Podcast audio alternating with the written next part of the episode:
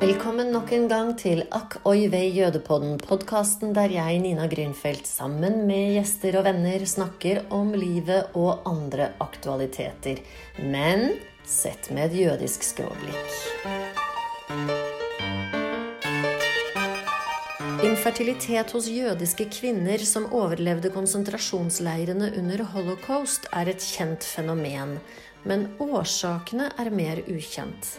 Monica og jeg har funnet en interessant artikkel i Forward.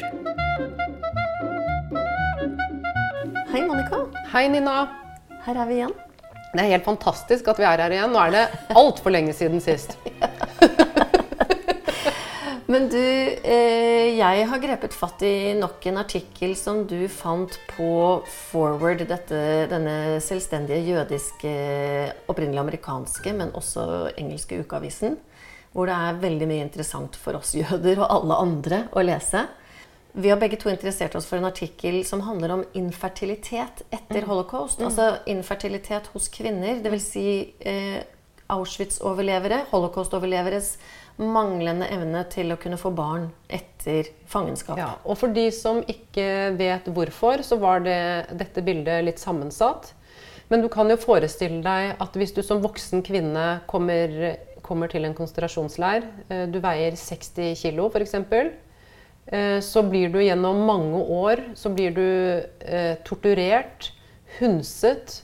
Du ligger og fryser døgnet rundt. Du får ingen mat. Du har ingen sanitære forhold som, som Sanitære forholdene er så grusomme, og du er syk i tillegg. Så det betød at kroppen gikk jo ikke bare på nødbluss. Kroppen var Eh, så tett på døden som den bare kunne komme. Og det som skjer da, det er at eh, det som skal holde i orden den evnen din til å reprodusere, den, den går rett og slett tapt. Så det var mm. ekstremt mange kvinner som ikke kunne få barn etter krigen. Mm. Og Det er jo i og for seg et kjent fenomen dette at hvis du har vært utsatt for sult over lengre tid, så mister du menstruasjon. Men det interessante i denne artikkelen er jo at den handler egentlig ikke så mye om infertilitet som et resultat av underernæring. Den handler mer om infertilitet hos jødiske kvinner som resultat av medisinsk forskning. Mm. Eh, blant annet så viser de jo til at etter krigen så var fødselsraten hos jødiske kvinner i Amerika 1,4, mens den hos befolkningen ellers var 2,9.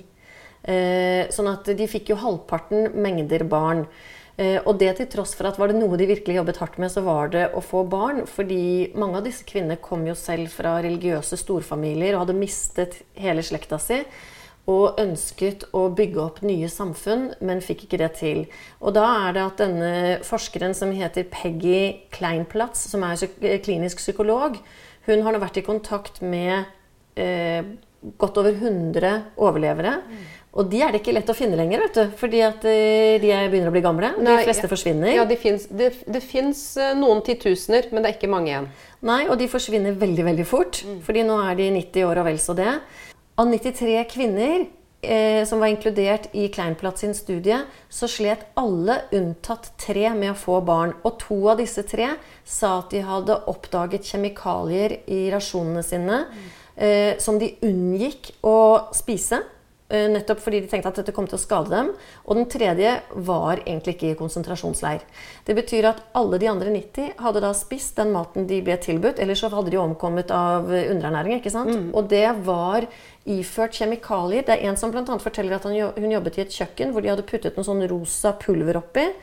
Uh, og at dette var et ledd i forskningen på hvordan man skulle Stoppe menstruasjonen hos kvinner, sånn at de ble infertile? Ja, og, men jeg tror ikke at det bare er å stoppe menstruasjonen. Jeg tror at disse kjemikaliene det handlet om uh, hormoner, altså store mengder østrogener og progesteroner, som rubber hele balansen, og som også skaper infertilitet over tid.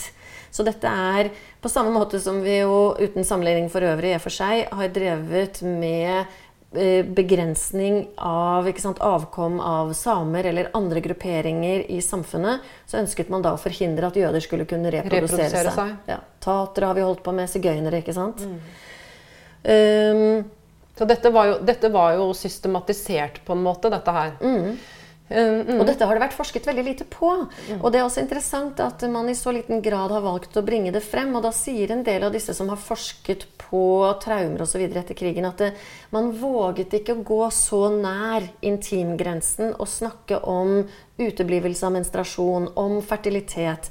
Det var på en måte en emosjonell barriere der som sto i veien for at de som forsket, våget å gå inn i denne materien. Og det man da kanskje nettopp har forspilt, er muligheten til å kartlegge hva som skjedde av den type medisinske eksperimenter. Mm. Og den, den, historien du viser til, altså en av de som ble forsket på altså det, det som er litt, altså Vi kan mene veldig mye om sosiale medier, mm. eh, men det, når, når det brukes godt Eh, så blir det utrolig interessant. Så denne historien har jo fått en, en ny interesse fordi at barnebarnet til en av disse overleverne fortalte historien til bestemoren sin på TikTok, rett og slett. Mm. Eh, så eh, bestemoren fortalte barnebarnet sitt hva, hva hun hadde opplevd. Og det var, dette var en historie som ble vist, og det forstår jeg mange ganger på TikTok, tre millioner ganger. Eh, det hadde jo da selvfølgelig også rent inn masse Konspi-kommentarer som handlet om at eh, Auschwitz fant ikke sted. Og... Ja, ja, det gjør det jo alltid. Ja. ja. Uh, Men det var hun som fortalte da om denne, uh, denne, medisinen eller kjemikaliene som blir puttet i maten deres. Men det, ikke, altså det som er så vilt da når du forteller dette her, Nina, det er at det, først, først, så er du i konsentrasjonsleir, og det går ikke an å få, få et verre liv og den lille maten du får, til og med den mm. er full av gift. Mm. Nei, det er, det er, så umenneskelig. Ja, og så er det, sant, det, er noe med at det, er klart at alle opplevde ikke dette. Altså det er det jeg ofte tenker at når folk skal prøve å forstå omfanget av uh, andre verdenskrig og holocaust, så var Det var så gigasvært. Altså, det var så mange leire, det var så mange fanger, det var så mange mennesker som ble drept. Og det som var gjeldende på et tidspunkt, var plutselig ikke gjeldende lenger senere. Det er ofte litt sånn at jeg tenker at Hvis noen hører på dette, så vil de tenke etterpå ja, alle kvinner, alle jødiske kvinner under andre verdenskrig fikk disse kjemikaliene. Nei, det var det selvfølgelig ikke. Men det var satt i system under en viss tid i visse leire. Eh, og det var tydelig at det var i Auschwitz. Det er det vitneforklaringer på. Eh, jeg lurer jo f.eks. på om det også kan ha skjedd i de leirene hvor min farmor var. Mm. Både i Waldorf og i Ravensbrück. Eh, det har jeg tenkt til å undersøke litt nærmere og se. Men fordi at det er klart at det oppleves jo kanskje enda mer relevant for, i hvert fall for min del, da, når jeg vet at min egen farmor var i Auschwitz mm. og var i disse leirene. Ja, og så vet vi jo også at uh, Josef Mengele bl.a. han uh, gjorde jo forsøk på jødiske kvinner. Mm. Uh, hvor de bl.a. fikk injisert gift i eggstokkene. Jeg tror han gjorde mange forskjellige forsøk. ja. Unnskyld. Ja, nei, det jeg bare skulle si. Og, og jeg har jo snakket med en som var utsatt for Mengele. Ja. Eh, og det er helt eh, hjerteskjærende å høre, eh, høre henne fortelle. Så hun, hun, mistet først hele familien sin i Auschwitz. Eh, og så kunne hun da heller ikke reprodusere seg etter krigen. Og det som er så rørende med, med denne personen, som vi begge kjenner egentlig, mm. er at vedkommende har brukt mye av tiden sin til å passe på og ta vare på andre mennesker som ikke har det så bra. Mm du snakker om ja. å ha overskudd. Ja, ja. Hun er jo et veldig veldig varmt menneske som alltid bringer mennesker til seg. Og jeg husker også hvordan hun faktisk fortalte meg, slik hun erindret det da, at uh, Mengele uten bedøvelse fjernet livmoren hennes. Uh, og det vet vi jo også fra diverse vitneforklaringer, at uh, jødene var ikke verdt den sprøyten med bedøvelse. Så det er klart at den fysiske smerten hun må ha vært utsatt for, må jo ja, den, den, kan man ikke forestille seg. Nei, det kan man ikke forestille seg. Og den psykiske som kommer i kjølvannet av det. Ja. Men jeg tenker også når du påpeker sant, dette her med evnen til å reprodusere seg Det får meg til å tenke på da jeg for snart ti år siden var i upstate New York, en liten by som er bebodd av veldig mange religiøse jøder, som heter Mansei. Eh, og der lever bl.a. en kvinne som min far bodde sammen med under krigen på det jødiske barnehjemmet. Hun kom fra en veldig religiøs familie i Wien og kom til Amerika etter krigen. Etablerte seg der og fikk mange barn. Og veldig mange barnebarn og enda flere oldebarn. Og på veggen hennes så henger det da et bilde hvor hun troner i midten blant jeg tror det er nærmere 300 mennesker som alle er hennes avkom. Vi snakker om her at man i hver generasjon får 10-12-15 barn, altså. Og når jeg da pekte på dette her og sa at wow, what a great family, da var hennes umiddelbare kommentar Nina, you know what? This is my revenge over Hitler. I am repopulating the Jewish world. oh, hun skulle elsket å møte. Ja, ja. Hun var jo som hun klippet og skåret ut av en, eh, En- jødisk komedie. Jeg skulle akkurat til å si en Woody Allen-film, kanskje. Ikke sant? Eh, men ikke desto mindre veldig, veldig autentisk. Eh, og tror jeg også representant for noe veldig reelt. At man tenkte at uh, vi skal ta meg faen vise dem at vi er her. Uh, det snakket også Chabaden om, som jeg har referert til flere ganger når vi har snakket sammen. At da han for en ti års tid siden valgte å danse nedover Karl Johan med sine venner for å innvie en Torah-rull, altså en jødisk bibel, så var det for å vise omverdenen at vi er her, og vi lever, vi også. Så jeg tenker at det er, det er noe som kjennetegner mye av eh, samtidens jødiske eksistens. Behovet for å si at vi, vi fins. Det er jo litt derfor du og jeg sitter her og prater. Ja, ja, men det er jo veldig motsetningsfylt uh, dette, Nina. Fordi at uh, det er en kombinasjon at vi vil si at vi finnes, men samtidig så opplever jeg jo også at veldig mye av den jødiske befolkningen, altså både i Norge og i Europa, eh, mindre og mindre sier at de finnes. Ja, vel, og, og nærmest gjemmer seg bort. 100 I økende grad. 100 Ja. I Frankrike så emigreres det hvert eneste år i store mengder til Israel. Ja, men eh, vi, Og, ja. og Nå skal jeg arrestere meg selv litt. Jeg var nemlig i Praha før sommeren. Eh, og det var helt utrolig kult. Ikke bare var det kult da, fordi jeg var der og lanserte boken min, og at jeg har familiehistorie osv., men uh, vi fant, uh, Stig og jeg vi fant en fantastisk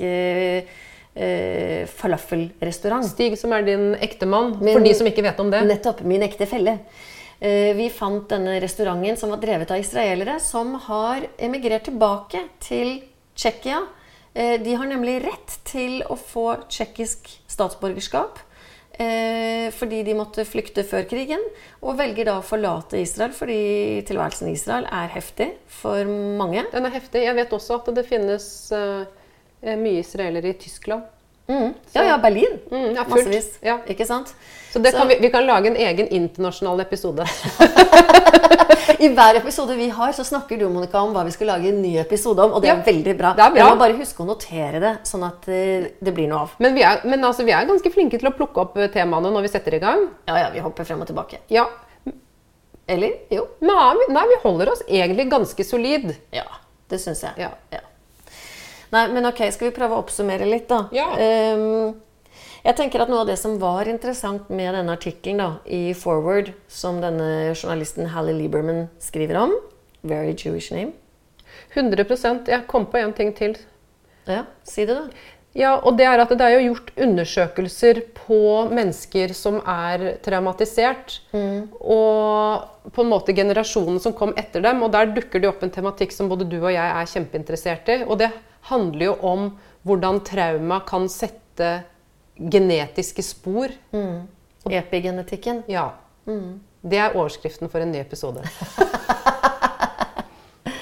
I alle fall så Jo, jeg tenker at noe av det som var interessant med denne artikkelen, var å bli ikke bare påminnet om hva som faktisk skjedde av helt absurde horribiliteter i leirene under krigen, eh, men hvordan det har påvirket i generasjonene etterpå, og hvordan man kan lese i populasjonen, altså i befolkningen, i befolkningshistorien, så kan du fremdeles den dag i dag se resultat av den forgiftningen de ble utsatt for.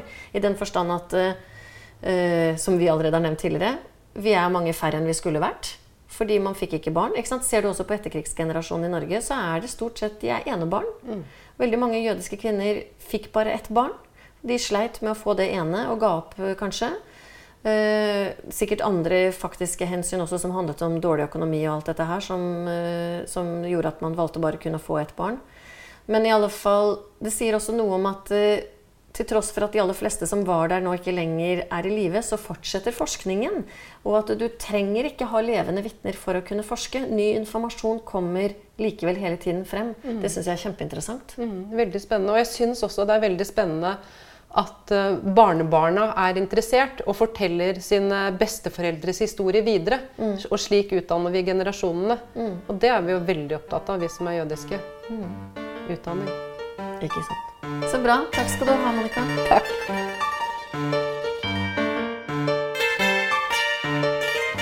At du lytter til AKIV Jødepodden. Om du liker denne podkasten, kan du trykke 'abonner' i din foretrukne spiller. Da vil du motta beskjed om når neste episode blir publisert. Dersom du har spørsmål til AKV Jødepodden eller vil bidra med innspill og ideer, send gjerne en mail til post at jodepodden.no. Akk oi vei jødepodden er støttet av stiftelsen Fritt Ord. Musikken du hører, er komponert og arrangert av Jens Wendelboe.